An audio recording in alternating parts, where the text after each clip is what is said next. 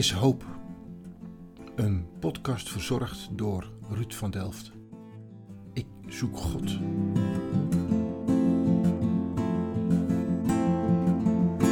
Maar ik had wel een familie die heel erg liefdevol en warm was en die het ontzettend belangrijk vond om je in te zetten voor de wereld en goede Ah, dingen voor anderen te doen. Toen weet ik nog dat ik dat boek heb neergelegd en dat ik voor het eerst in mijn leven een half uur uit het raam heb gestaard. En dat ik ineens besefte dat de wereld eigenlijk heel vreemd is en dat ik er niks van begrijp. Was it all a ghost? Was it all Kan jij eh, een definitie geven van hoop, hoe jij dat ziet?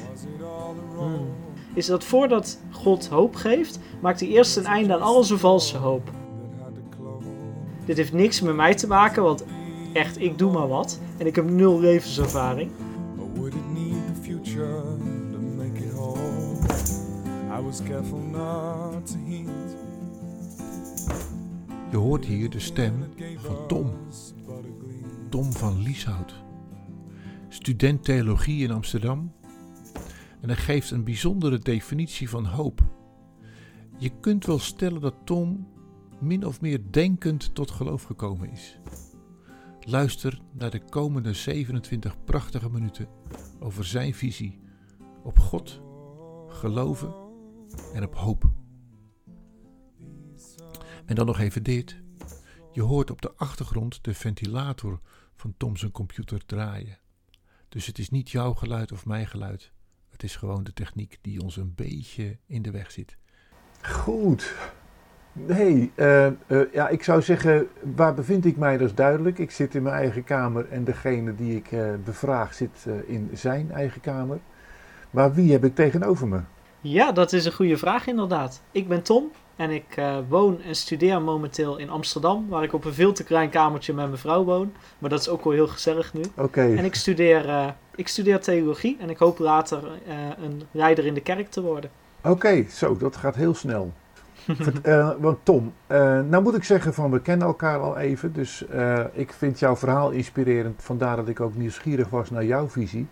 Maar eh, vertel eens van van Tom, eh, waar en wanneer is hij geboren ongeveer? Hoe is dat, hoe is dat gegaan? Ik eh, ben nu eh, 23 jaar oud, ben geboren in 97 in het eh, zuiden van het Rand, in de buurt van Eindhoven. En nou, zo'n beetje iedereen die ik kende, die noemde zichzelf katholiek, maar was verder totaal niet met geloof bezig. Mijn familie was dan een uitzondering, want eh, die had er niet echt iets mee. Eh, dus van geloof heb ik als kind nooit iets meegekregen.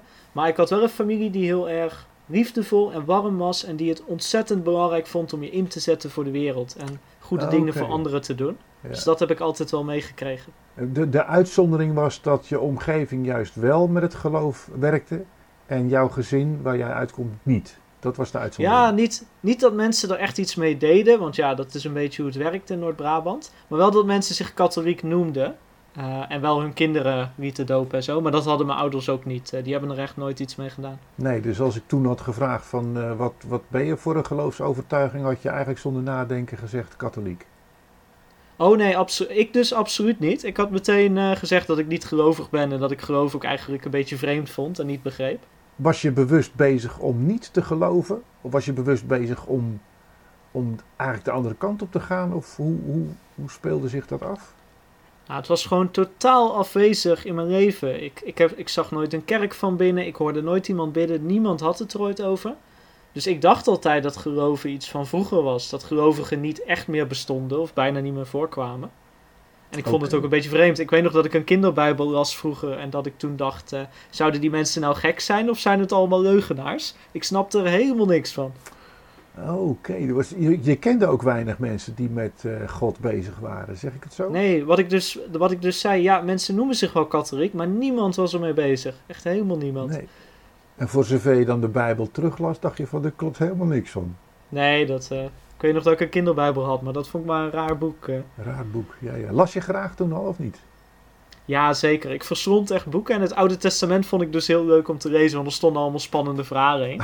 Het Testament vond ik niks aan, want er werd er alleen maar in gepraat. Dat, eh, daar had ik niks mee.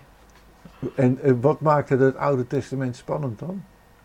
Ja, al die, al die, al die oorlogen en helden en eh, strijd die er geleverd wordt. Er gebeuren ontzettend veel spannende dingen in. En dat wilde ik dan altijd heel graag lezen. Dan wou ik de kinderbijbel meenemen naar de kapper. En dan had mijn moeder zoiets van, doe dat nou niet. Straks denken ze dat we heel gelovig zijn of zo. Maar ik vond het wel een spannend boek. De plaatsvervangende schuimte was aan je moeder bedacht, zeg maar. Ja, ja, ja, zeker. Maar, had ik had dus niks met het geloofscel. Oh, had je dan net zo makkelijk eh, Game of Thrones op de Bijbel kunnen plakken, zeg maar? Ja, dat is gewoon, nou, dat is, dat is een beetje, ik zou dat niet aan een tienjarige laten lezen, maar eh, gewoon inderdaad, ik hield heel erg van fantasy, van avonturenboeken, dus ik verslond eigenlijk alles wat spannend was en over helden ging. Dus dat was het heel erg. Met het geloof had ik echt helemaal niks. Nee. Maar het, het Oude Testament was in dit geval een spannend jongensboek. Ja, precies. Ja. Oh, wat grappig. Ergens komt er dan een moment dat je... Want je praat dan over je tienerjaren, dan, dan komt je jeugd eraan. Gaf dat een andere inzicht in, in die hele geloofsbeleving of die hele bijbelleesbeleving?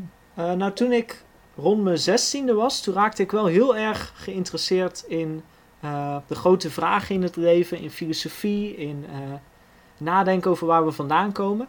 Maar ja, christendom interesseerde me echt niks, omdat ik dacht, oh ja, dat is die religie met heel veel regeltjes, waar je een god hebt die heel erg boos is. Eh, dus ik was vooral heel erg geïnteresseerd in Oosterse spiritualiteit, boeddhisme en Taoïsme. En daar las ik heel veel over, ook een beetje islam. Eigenlijk alles behalve christendom probeerde ik me in te verdiepen. Ja, was, kwam dat omdat je toch al eh, het Oude Testament als een spannend jongensboek achter je had gelaten? Of Ja, daar, daar was me ook niet zoveel meer van bijgebleven of zo, van dat bijbellezen. Ik denk dat dat ook gewoon heel erg het beeld was dat ik had van hoe mensen erover praten. Mensen praten altijd over christendom alsof het een beetje een eh, verouderde, rare religie was met heel veel regels. Dus eh, ja, dat had mijn interesse niet. nee? En dat, dan praat je ook over je nog steeds Noord-Brabantse Rooms-Katholieke omgeving, zeg maar. Nou, inmiddels was ik wel verhuisd, moet ik zeggen. Rond mijn negende ben ik verhuisd naar eh, Hilversum. Oké, Eh, maar ja, daar doet ook niemand iets over geloof, niet, iets met geloof. Het verschil is vooral dat in Hilversum niemand zich ook gelovig noemt. Maar er veranderde dus weinig voor mij. nee, nee. Was, merk je verschil tussen de, het katholieke zuiden en het wat eh, pittiger eh, noorden, zeg maar? Ja, het was wel veel warmer in het zuiden, veel gezelliger. Ja. Ik moest er heel erg aan wennen om niet gewoon achterom te lopen, maar daadwerkelijk de voordeur te gebruiken. Oké. Eh, maar als het om geloof of zo gaat of om zingeving, dan was het best wel vergelijkbaar eigenlijk. Ja, ja. En ergens wordt er dan beschrijft die nieuwsgierigheid is naar al die richtingen die je dan bestudeert. Nou, als ik onder de sterrenhemel liep of zo, of een goed boek las of naar muziek luisterde, dan had ik echt het idee, er moet iets meer zijn. Dit, het, het kan niet dat we alleen maar atoompjes zijn en dat alles geen betekenis heeft, dat het leven totaal zinloos is. Er moet iets zijn, maar ik wist niet wat. En, en welk Dus- boek gaf daar aanleiding toe? Eh, de wereld van Sophie, die ik eh, las, dat is een soort inleiding ja, tot de grote vraag in het leven. En ik weet nog dat ik daarvoor nooit over nagedacht had. En toen ik het eerste hoofdstuk uit had, toen weet ik nog dat ik dat boek heb neergelegd en dat ik voor het eerst in mijn leven een half uur uit het raam heb gestaard. En dat ik ineens besefte dat de wereld eigenlijk heel vreemd is en dat ik er niks van begrijp. Daarvoor begreep ik de wereld altijd. Het was toen pas dat ik besefte, er klopt iets niet. Er, er is iets raars aan de hand. Dat moet een heel We raar... weten zoveel niet. Ja, we weten meer niet als wel, bedoel je. Ja, precies. En het is, dat boek was De Wereld van Sophie. En welk muziekdeel was in feite in, in, in die bandbreedte van invloed? Ja, dat duurde een paar jaar langer totdat ik ook eh, muziek ging waarderen. Maar de band die daartoe vooral een rol bij ging spelen was eh, Radiohead, wat een alternatieve rockband is. En eigenlijk een van de hoofdthema's in al alle albums die ze geschreven hebben is een soort gevoel van melancholie. Een soort gevoel van er mist iets. Een soort gevoel van zinloosheid, dat dingen altijd mislukken en ja, er niet echt een duidelijke betekenis in het leven is. En dat raakte mij heel erg, omdat ik inderdaad heel erg zoekende was. En het idee had van, ja, waar draait het nou om? En we weten zoveel niet. Waar, waar gaat het nou om? Ja, wat ik heel interessant vond aan die Oosterse godsdiensten... is dat ze heel erg benadrukten dat er juist wel iets van betekenis was. Iets goddelijks, dat in alles verborgen zit. Dat je inderdaad in die sterrenhemel kunt ontmoeten of in mensen. Oké, Eh, ja. Dus daar zat iets diepzinnigs in dat me aansprak. diepzinnigs. Kun je, dat, kun je dat woorden geven? Ja, ik zat dus heel erg vast tussen aan de ene kant mijn gevoel dat, er, dat het leven betekenisloos is. Ik, ik leerde op school ook heel erg dat we eh, ja, alleen maar ongelukjes zijn, alleen maar producten van de evolutie. En dat dingen als moraal en liefde en goedheid, dat het allemaal maar bedacht is door mensen en dat het ook heel goed anders had kunnen zijn. En dat gaf me een heel erg ja, naar, neerslachtig gevoel eigenlijk. Maar tegelijkertijd zag ik zo ontzettend veel moois in de wereld, zoveel inspirerends. Dat ik toch ergens het idee had van er moet, er moet iets zijn. En dat, dat zag ik heel erg in die Oosterse geloven. Dat, dat vond ik daar ook. Maar er was een soort sprit waar ik niet zoveel mee kon. En wat daar ook nog eens bij meespeelde, is dat ik het heel lastig vond om erachter te komen hoe egoïstisch mensen kunnen zijn en hoe naar mensen kunnen zijn. Ik weet nog dat ik rond mijn twaalfde voor het eerst zag dat een paar klasgenoten van mij echt iets heel naars deden. Die waren een fietsbel aan het stelen. Nou, de fietsbel is niet een heel duur ding, dus het gaat nergens over. Maar gewoon het feit dat ze daartoe in staat waren. Ik weet nog dat toen ik thuis kwam, dat ik toen tien minuten bij mijn ouders heb moeten uithuilen Ja, omdat ik ineens besefte waar mensen toe in staat waren. En dat mijn ja, sprookjesachtige kinderideeën eigenlijk niet klopten.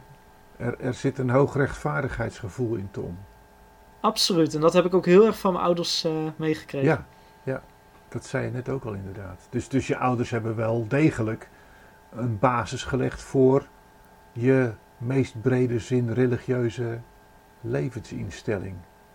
Ja, ik kwam er later ook achter dat mijn vader zelf ook altijd heel zoekende was. Hij is ook een tijdje Baha'i geweest. Maar uiteindelijk eh, heeft hij die zoektocht een beetje opgegeven en doet hij daar niet zoveel meer mee. Nee, oké. En dan komt er ergens een moment dat je de hele zaak omdraait of zo. Je laat dan de Oosterse religiestromingen laat je liggen. En je begint ineens met het christendom? Of, of hoe, hoe, hoe, hoe ging dat? Ja, ik kwam het per ongeluk via via online tegen. Dat was helemaal niet mijn bedoeling.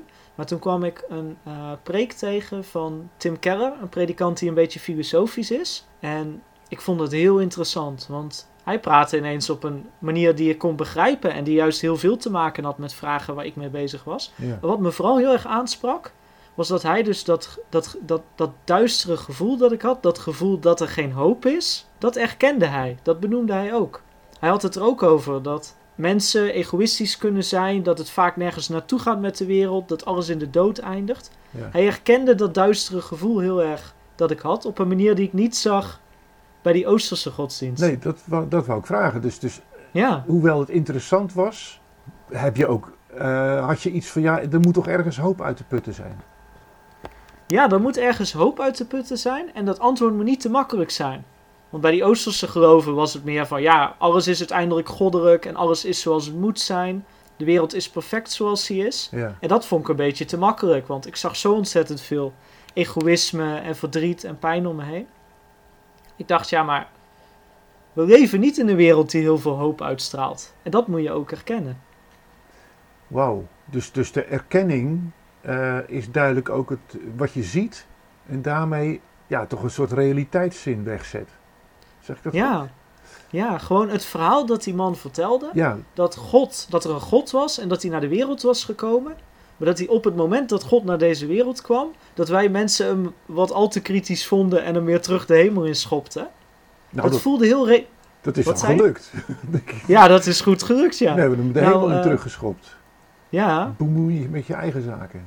ja. Dat voelde zo realistisch voor mij. Ook al geloofde ik niet in zo'n God. Ik had wel zoiets van: oh ja, als er zo'n God zou zijn en als hij hier naartoe zou komen, dan zou dat inderdaad zijn wat, wat mensen met hem zouden doen. Maar wa- wat maakte dan dat je daardoor bovenmatig geïnteresseerd was daarin dan? Ja, dat het zo eerlijk was over die problemen in de wereld. En tegelijkertijd daar tegenover zet dat die God, als wij hem de wereld uitschoppen, als wij hem kruisigen, dat hij nog steeds van ons houdt. Dat hij nog steeds van ons vergeeft. Ja, ja. Maar, Daar maar- zag ik zo ontzettend veel hoop in, maar een hoop die van buiten ons kwam, die niet in onszelf zat. Maar moet ik dan de overige geloofstromingen als oneerlijk bestempelen? Nee, eh, daar zit natuurlijk ook heel veel erkenning in van de pijn in het leven. Maar ik vond dat die er makkelijker mee omgingen. In ieder geval wat ik er toe van heb gezien, want ik ben absoluut geen expert in het boeddhisme of zo. Maar ze gingen er makkelijker mee om dan wat ik, wat ik nodig had, wat ik dacht dat waar was. Als je te snel zegt, de wereld is goed zoals die is en God zit in alles en iedereen. Dan dacht ik, ja, maar dan doe je ook niet helemaal recht aan het kwaad. Want dat is wel degelijk aanwezig. Ja, en vooral, ik, ik werd wel heel erg geïnspireerd door die Oosterse godsdiensten.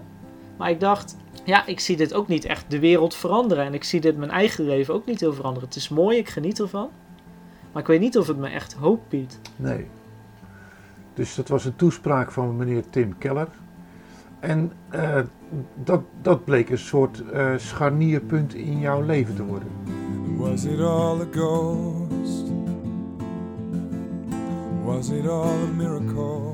Ja, ik, ik kreeg er toen meer interesse in. Ik ging ook daadwerkelijk eh, een Bijbel kopen en lezen. En ik ging dus overwegen om misschien een klein beetje christen te worden. Oké. Vooral niet te veel. Maar ik ging er een beetje over nadenken. Eh, hoe geeft dat eens vorm? Hoe, hoe bedoel je dat? Ja, dat wisselde heel erg. Soms was ik er heel veel mee bezig. Dan luisterde ik heel veel preken. Dan las ik veel in de Bijbel. Maar dan gebeurde het soms ook weer dat ik maanden er totaal niet meer mee bezig was. En toch weer heel erg in Oosterse godsdiensten aan het duiken was. Of met andere dingen. Ik probeerde ook een beetje ja, alles te verkennen. Ik was ontzettend nieuwsgierig. En ben dat nog steeds. Hey, en en ehm, voor zover ik mij kan herinneren, ben je dan. Je praat nu over de periode van je middelbare school. Ja, eind Dan middelbare je- school, ja. Ja, en dan ga je de keus maken om te gaan studeren. Toen ben ik eh, geschiedenis gaan studeren in Leiden. En eerst een tijdje er niet mee bezig geweest. Maar ik merkte dat het toch een beetje ging jeuken op een gegeven moment. Zeker toen ik in Leiden woonde. Dat ik eh, dacht, ik wil wel eens een levende christen ontmoeten. Want ik denk hierover na. Ik, ik, ik, ik praat erover met mensen. Maar ik ken die mensen helemaal niet. Ik weet helemaal niet hoe die mensen... eh, Tot die, je, tot- dus eigenlijk Tim Keller was de enige digitale persoon die je tegengekomen bent die, die zo sprak, zeg maar. Ja, ik kwam er later achter, toen ik eenmaal zelf christen was, dat een van mijn beste vrienden christen was. Maar die heeft er nooit een woord over gezegd, dus dat Oh. heb ik nooit doorgehad. hè. Dat was misschien makkelijker geweest. Oké, Kenny, jij bent Ja. geschiedenis gaan studeren, maar... En toen ontstond er dus... Ja, toch heel erg een verlangen om mensen tegen te komen. Toen ben ik eerst maar eens naar een kerk gegaan, maar die bleek vol met bejaarden te zitten. Dus dan ben ik ook heel snel weer weggegaan. Dat vond ik helemaal niks. En toen dacht ik ook even van, oké, nu ben ik er helemaal klaar mee. Dit is alleen iets voor oude mensen. Maar toen, een paar dagen later, herinnerde ik me ineens weer dat er ook christelijke studentenverenigingen zijn. En toen heb ik maar een mailtje gestuurd of ik een keertje lands eh, mocht komen. En ben daar toen de, de volgende woensdagavond met heel veel zenuwen naartoe gegaan. Omdat Oh, ik toch geen wel. idee had Ja.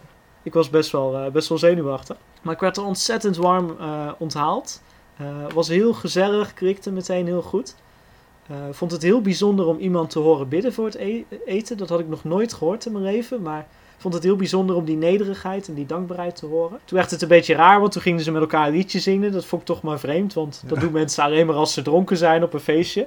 Maar oké, vooruit. Daarna gingen we met elkaar in gesprek over het leven, over God. En ik was dat helemaal niet gewend. Dat zulke verschillende mensen die elkaar helemaal niet kennen, zo makkelijk met elkaar het over wezenlijke dingen hebben. En een van hen die deelde ook dat ze met een depressie worstelde en zo. Echt allemaal persoonlijke dingen. Ik vond het heel bijzonder. En ik zag echt iets van hoop in die mensen.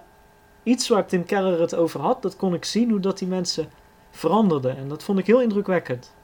Oké, hoop begon ineens vorm te krijgen. Ja, hoop was voor mij altijd iets om over te filosoferen, om over te praten. Maar niet iets wat ik zag gebeuren. En ineens, ineens zag ik het, hoe die mensen een klein stukje van de wereld aan het veranderen waren. En ergens komt er dan een moment dat je een soort keus maakt. Ja, ik ben de maand daarna ben ik eh, vaker naar activiteiten gegaan en heb ik heel veel met christenen gepraat. Begon ik ook christelijke boeken te lezen en er echt over na te denken. Maar ik vond het heel ingewikkeld, want je hebt natuurlijk allemaal, je hebt honderden redenen om geloof vreemd te vinden of argumenten die dat tegen in kan brengen. Ik had Ja. mijn hele leven lang geleerd dat geloof sowieso niet waar is, het christelijk geloof, dat het maar gek is. Dus ik had heel veel vragen die opkwamen borrelen en dingen waarover ik twijfelde en zo. Ik vond het heel ingewikkeld allemaal. Ik begon toen ook te bidden voor het eerst en mijn gebeden waren vooral een soort vechtpartij met God, waarin ik best wel boos was dat hij het allemaal zo ingewikkeld maakte. Maar in de loop van die maand, het was niet op één bepaalde dag of zo, maar ik kreeg wel steeds meer het besef: ja, maar er gebeurt hier wel iets. Ik zie wel iets in die mensen. En ik zie iets in die God en ik ervaar iets in die gebeden, al zijn het vechtpartijen, dat ik verder niet ken. Eh, Dit geeft hoop. En als dit niet de hoop is die er voor deze wereld is, dan zou ik niet weten wat die wel is.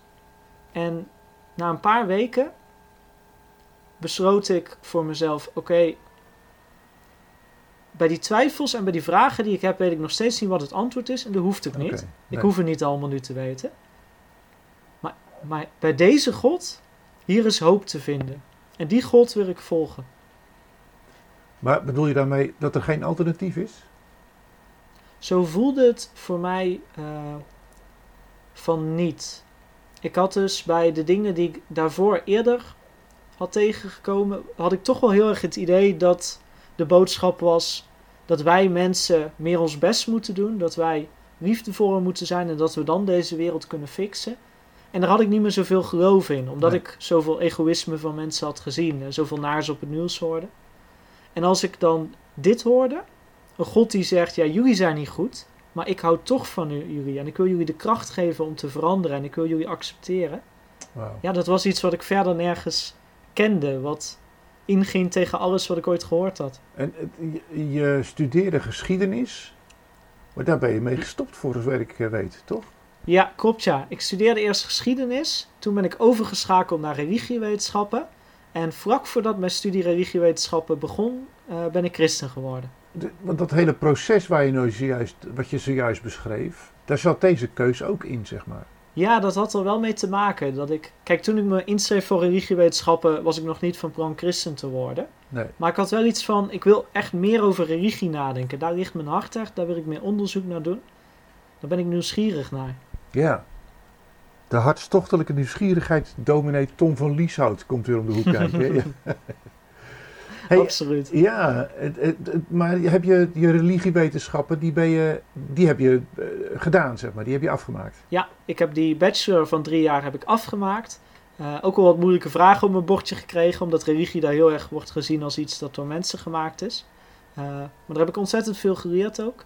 En daarna ben ik een master theologie gaan doen. Ja, echt voor de kerk te eh, kunnen werken. Ja, ja, ja want, want ergens doe je religiewetenschappen. eh, Daar zie je dan in feite de andere stromingen ook voorbij komen. Ja. Werd je bevestigd in je zoektocht? Niet direct, want de studie die relativeert religie wel heel erg. En ziet het dus heel erg als iets ja, dat verzonnen is. Dus ik kreeg er ook wel met best wel grote twijfels en vragen te maken. Maar juist door op zoek te gaan naar antwoorden en ook daar weer kritisch over na te denken, ja, heb ik heel erg geleerd om zelf over dingen na te kijken. Om niet eh, zomaar achter mijn studie aan te wandelen en daar alles te geloven, maar ook om niet zomaar achter de kerk aan te lopen en alles te geloven, maar om echt zelf met God uit te zoeken hoe zit het nou? Wat Ja. is de waarheid? Wie, wie, is, wie is God? De waarheid, het is alles of niks. Als ik ervoor Ja. ga, dan ook helemaal. Absoluut. Dat, eh, ik hou niet van dingen halfslachtig doen, inderdaad. Absoluut. Nee, wat bij mij heel veel indruk maakt en maakte, is ook, je, je bent getrouwd. En Mhm. eh, eh, je hebt daar een, eh, een trouwkaart ook gebruikt waarin je zegt van, joh, als, ik, als ik zeg ja, dan bedoel ik ook ja. En niet nee. Ja.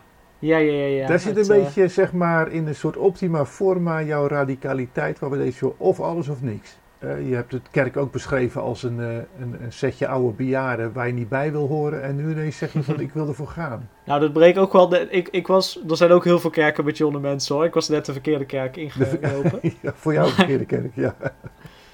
Nee, inderdaad. Ik, ik ben iemand die altijd wel veel twijfelt en echt heel kritisch is. Maar als ik tot de conclusie ben gekomen: dit is hoe het zit, wat andere mensen ook zeggen, dan wil ik er ook 100% voor gaan, inderdaad. Eh, absoluut. Nou heb je door eh, dit hele moment heen eh, meerdere keren het woord hoop eh, genoemd. Bij Tim Keller al, dat hij uiteindelijk daar vorm aan gaf wat jou heel erg raakte. Kan jij een definitie geven van hoop, hoe jij dat ziet? Hoop is dat je het vertrouwen mag hebben dat het goed komt. Maar dat is geen dom vertrouwen, dat is geen naïef vertrouwen. Dat is, dat is hoop omdat je weet dat het goed komt. Je weet dat het goed komt. Ja, wat ik eigenlijk dus zo krachtig vond aan het christendom, wat me heel erg greep, is dat voordat God hoop geeft, maakt hij eerst een einde aan al zijn valse hoop. Al die dingen waarmee we onszelf hoop inspreken, van het komt wel goed, of het zal wel meevallen, of je kan het wel, ik geloof in je. Dat veegt hij van tafel. Hij is ontzettend kritisch over eh, waar wij mensen toe in staat zijn en hoe gebroken de wereld is.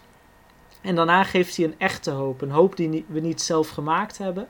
Niet een hoop op basis van onze eigen kracht of goedheid, maar een hoop die van Hem komt. En die is echt. En die is echt. Hoe, hoe komt dat dat die echt is? Want het is toch maar een zin die je uitspreekt. Omdat het van God afkomt. Van de enige die niet verandert. En het is natuurlijk de vraag of dat dan waar is. Maar ik heb dat de afgelopen jaren wel echt mogen zien in mijn eigen leven en in de levens van andere mensen. Ja. Dat God op zo'n bizarre manier hoop biedt. Ik heb ook de afgelopen jaren best wel vaak gekke ontmoetingen gehad met iemand die ik heel vaag kende.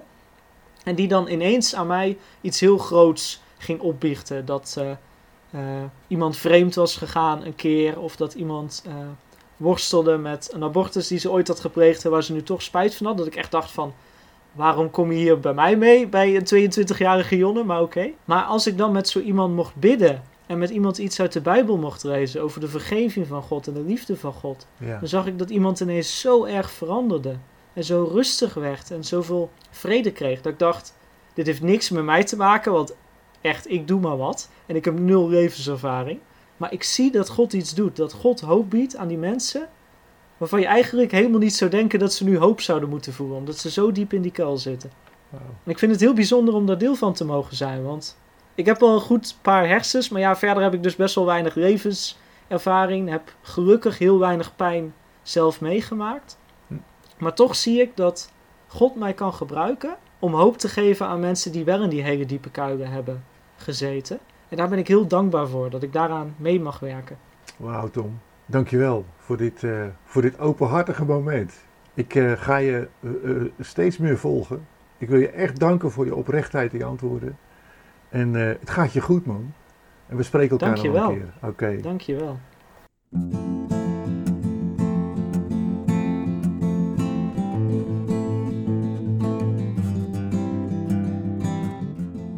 Er is hoop. Een podcast verzorgd door de stichting Agape.